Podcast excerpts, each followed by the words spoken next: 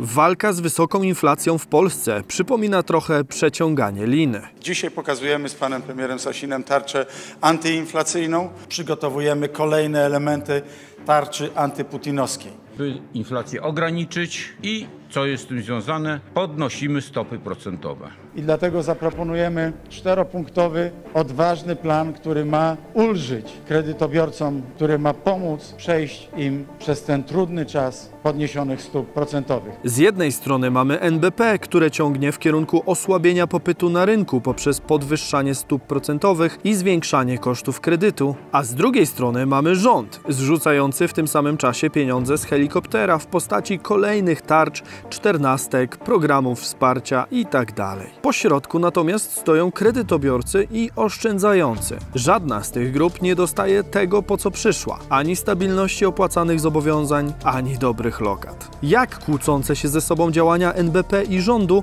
wpływają na zasoby naszych portfeli? Sprawdźmy to. Bison. Włączeni do świata biznesu i finansów. Cześć, tutaj Damian Olszewski i witam Was serdecznie w programie Praktycznie o pieniądzach i analitycznej serii Bizon. Od października 2021 w Polsce trwa cykl podwyżek stóp procentowych. Narodowy Bank Polski podwyższa stopy procentowe, aby osłabić inflację i powrócić do okolic celu inflacyjnego na poziomie 2,5%. Dwie ostatnie podwyżki podbiły główną stopę NBP aż o 1,75 punkta procentowego do poziomu 5,25%. W tej chwili jesteśmy na poziomie stóp widzianym ostatni raz w 2008 roku. Jak działa podwyższanie stóp przez NBP? Wspominałem już o tym w odcinku na temat stóp procentowych, który możecie znaleźć w prawym górnym rogu ekranu i na końcu filmu. Powróćmy do niego na moment. Możliwość regulacji poziomu stóp procentowych w dużej mierze daje NBP możliwość sterowania popytem na rynku. W skrócie, jeżeli ilość pieniędzy w gospodarce jest za duża, a kraj zmaga się ze zbyt wysoką inflacją, bank centralny często decyduje się na podniesienie stóp procentowych, aby próbować utrzymać stabilność cen. Taki stan rzeczy widzimy od kilku miesięcy, gdzie NBP podwyższając systematycznie stopy procentowe wpływa na zwiększające się koszty kredytu i obniżoną zdolność kredytową, które hamują konsumpcję z użyciem zadłużenia. Z kolei jeżeli wzrost popytu w gospodarce jest za wolny, to bank centralny zwykle obniża stopy procentowe, aby pieniądz stał się tańszy. Taką sytuację mogliśmy z kolei historycznie obserwować od niemal dekady. Od 2013 roku stopy procentowe były wyłącznie obniżane, aby napędzić popyt na towary i usługi i przyspieszyć rozwój gospodarczy Polski. Kiedy stopy są na niskim poziomie, konsumpcję napędzają głównie dwa czynniki. Po pierwsze, tanie pożyczanie, ponieważ niska stopa procentowa to niskie koszty kredytu. Po drugie, niewielkie oprocentowanie rachunków i lokat, które sprawiają, że oszczędzanie staje się mało opłacalne. To z kolei popycha kapitał zgromadzony na kontach do wysypania się na rynek. W ten sposób zachęca się nas do dalszego wydawania pieniędzy oraz zadłużania się, na czym korzystają firmy, banki i cała gospodarka. Pamiętajmy zatem, że NBP poprzez podwyższanie stóp ma zamiar osłabić popyt i w ten sposób utrzymać stabilność cen w sklepach. Mimo, że dalsze zadłużanie przy obecnej wartości stóp procentowych staje się coraz trudniejsze, to inflacja jest daleka od wycofania się. W kwietniu wyniosła już ponad 12% i patrząc na ceny na stacjach paliw i w sklepach, w kolejnych miesiącach może być gorzej. Ta inflacja, ta putinflacja, bo to jest inflacja Putina. Wbrew słowotwórczej łatce pod tytułem Putinflacja, którą operuje obecnie rząd i media, wojna za naszą wschodnią granicą nie jest wcale jedynym powodem szybkiej utraty wartości naszych pieniędzy. Owszem, czynniki zewnętrzne mają znaczący wpływ na wysoką inflację w Polsce, ale nie można zapominać o zasługach nieprzemyślanej polityki wewnętrznej, która dolała i nadal dolewa oliwy do ognia. Powody wysokiej inflacji w Polsce. Możemy je podzielić na dwa różne rodzaje. Po pierwsze, czynniki zewnętrzne, takie jak wysokie ceny surowców energetycznych, które do Europy dostarczane były głównie z Rosji, koszty praw do emisji CO2, które skutecznie podbijają ceny naszych rachunków, czy zerwanie łańcuchów dostaw, które wygenerowało braki wielu komponentów i przełożyło się na spowolnienie możliwości produkcyjnych i podażowych, a w konsekwencji nienadążanie podaży za popytem. Po drugie, czynniki wewnętrzne, o których rządzący woleliby, aby żebyśmy zapomnieli. Mowa choćby o opóźnionej reakcji NBP w kontekście podwyżek stóp procentowych, która kończy się dynamicznymi ruchami obserwowanymi obecnie oraz o wysokich transferach socjalnych wykonywanych przez rząd w różnej postaci. Rząd pomagając określonym grupom obywateli zwykle jedynie spowalnia to, co nieuchronne, sprawiając jednocześnie, że inflacja pozostanie z nami na dłużej. Data wyborów, które odbywają się akurat w przyszłym roku, zdecydowanie utrudnia kwestię płynnego wyjścia z kłopotów inflacyjnych, bowiem NBP i rząd mają obecnie inne priorytety, co widać po wykonywanych ruchach. NBP w walce z inflacją za pomocą wewnętrznych instrumentów, takich jak stopy procentowe, ma zatem kilka zasadniczych problemów. Po pierwsze, rząd, który nadal rozdaje pieniądze. Obecnie funkcjonuje cały szereg różnego rodzaju tarcz i chyba nawet rząd powoli już się w tym gubi. Każda z nich generuje znaczne transfery fiskalne. Tarcza antyinflacyjna według szacunków PKO BP ma skutkować transferem około 34 miliardów złotych. Na ten moment ciężko sobie wyobrazić powrót normalnej wartości VAT-u na żywność czy paliwo, więc pewnie jej działanie będzie przedłużane. To wiąże się z kolei z dalszymi transferami. Na te trudne czasy przygotowujemy kolejne elementy tarczy antyputinowskiej. Niedawno premier ogłosił także wdrożenie tarczy antyputinowskiej. Dodatkowo 13 i 14 emerytura wraz z wyższą niż przewidziano ustawowo waloryzacją emerytur. To jakieś 30-40 miliardów złotych wrzuconych w rynek. I to w obszarze, który nawet bez dodatkowych wypłat znacząco kuleje przez demografię, a niewydolność ZUS-u będzie się jedynie pogłębiać. Wciąż utrzymywane 500 plus to wydatek rzędu około 40 miliardów złotych rocznie.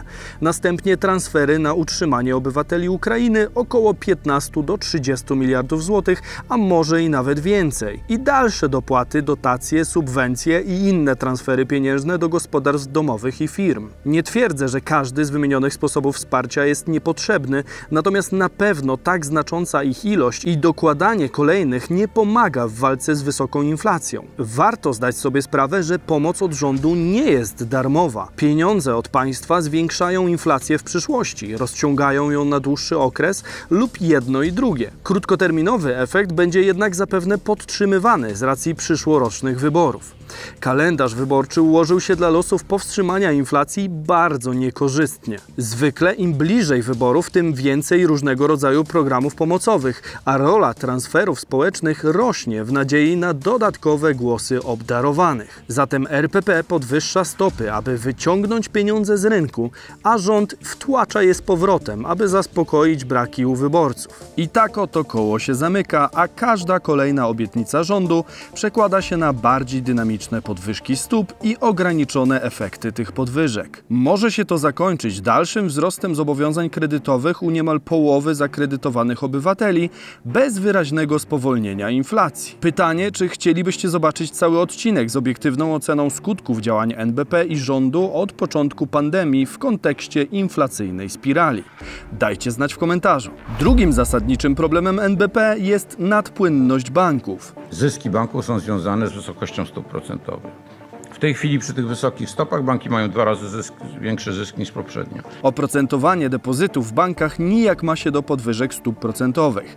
Banki są w większości nadpłynne, a to sprawia, że nie zależy im na ściągnięciu kapitału z rynku. Dlatego oferta depozytów zmienia się bardzo powoli. To z kolei sprawia, że przez długi czas nadal zdecydowanie bardziej opłacalne będzie wydawanie pieniędzy, a nie ich kumulowanie na lokatach czy rachunkach. Dalsze wydawanie będzie dalej pobudzać inflację. Zmniejszenie ilości pieniędzy na rynku, do którego dąży NBP, polega również na przyczynieniu się do uatrakcyjnienia ofert lokat i rachunków. W ten sposób część kapitału ma wpłynąć z powrotem do banków i pobudzić akcję oszczędnościową. Na ten moment jednak nadal więcej pieniędzy z banków jest wyciąganych niż wpłacanych. Zobaczymy, czy kolejne podwyżki stóp zdołają ten trend odwrócić. Trzecim problemem Narodowego Banku jest po prostu czas. Dla nas perspektywa średnia to jest dwa lata. No z tym, że długo już walczymy przecież z inflacją, więc ten okres nie jest tak oddalony. To mówię dla kredytobiorców. Proszę pamiętać, że nastąpi ten moment. Dokładnie nie jestem w stanie powiedzieć, czy to jest koniec 2023 czy 2024,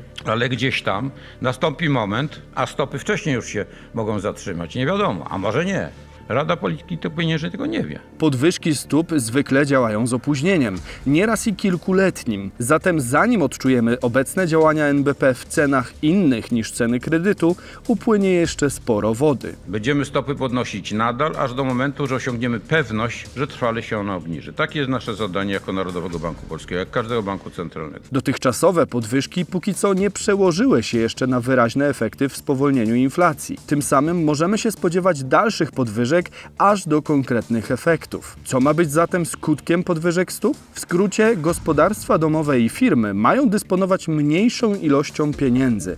Zatem z jednej strony będą rosły koszty życia, a z drugiej raty kredytów powiązane z wartością stóp procentowych i WIBORem. Transfery socjalne pobudzają inflację. Wracając do roli państwa, warto pamiętać, że każdy transfer pieniędzy od rządu do obywateli może generować inflację. Mówimy bowiem o dodatkowych pieniądzach na rynku, których wartość NBP nie bez przyczyny próbuje ograniczyć. Obywatele z dodatkową gotówką mogą zrobić dwie rzeczy: albo wydać, co przy obecnym poziomie inflacji wydaje się dość intuicyjnym odruchem, dodatkowo niestety pobudzającym inflację, albo oszczędzić, rezygnując z natychmiastowej konsumpcji i wkładając pieniądze do banku czy inwestując je. W ten sposób konsumpcja pozostaje odroczona w czasie, pobudzając jednak wzrost inflacji w przyszłości. Co zatem musi się wydarzyć, aby działania NBP miały sens? NBP podwyższając stopy procentowe ograniczy akcję kredytową. To oznacza, że koszty obsługi zadłużenia dla Polaków posiadających kredyty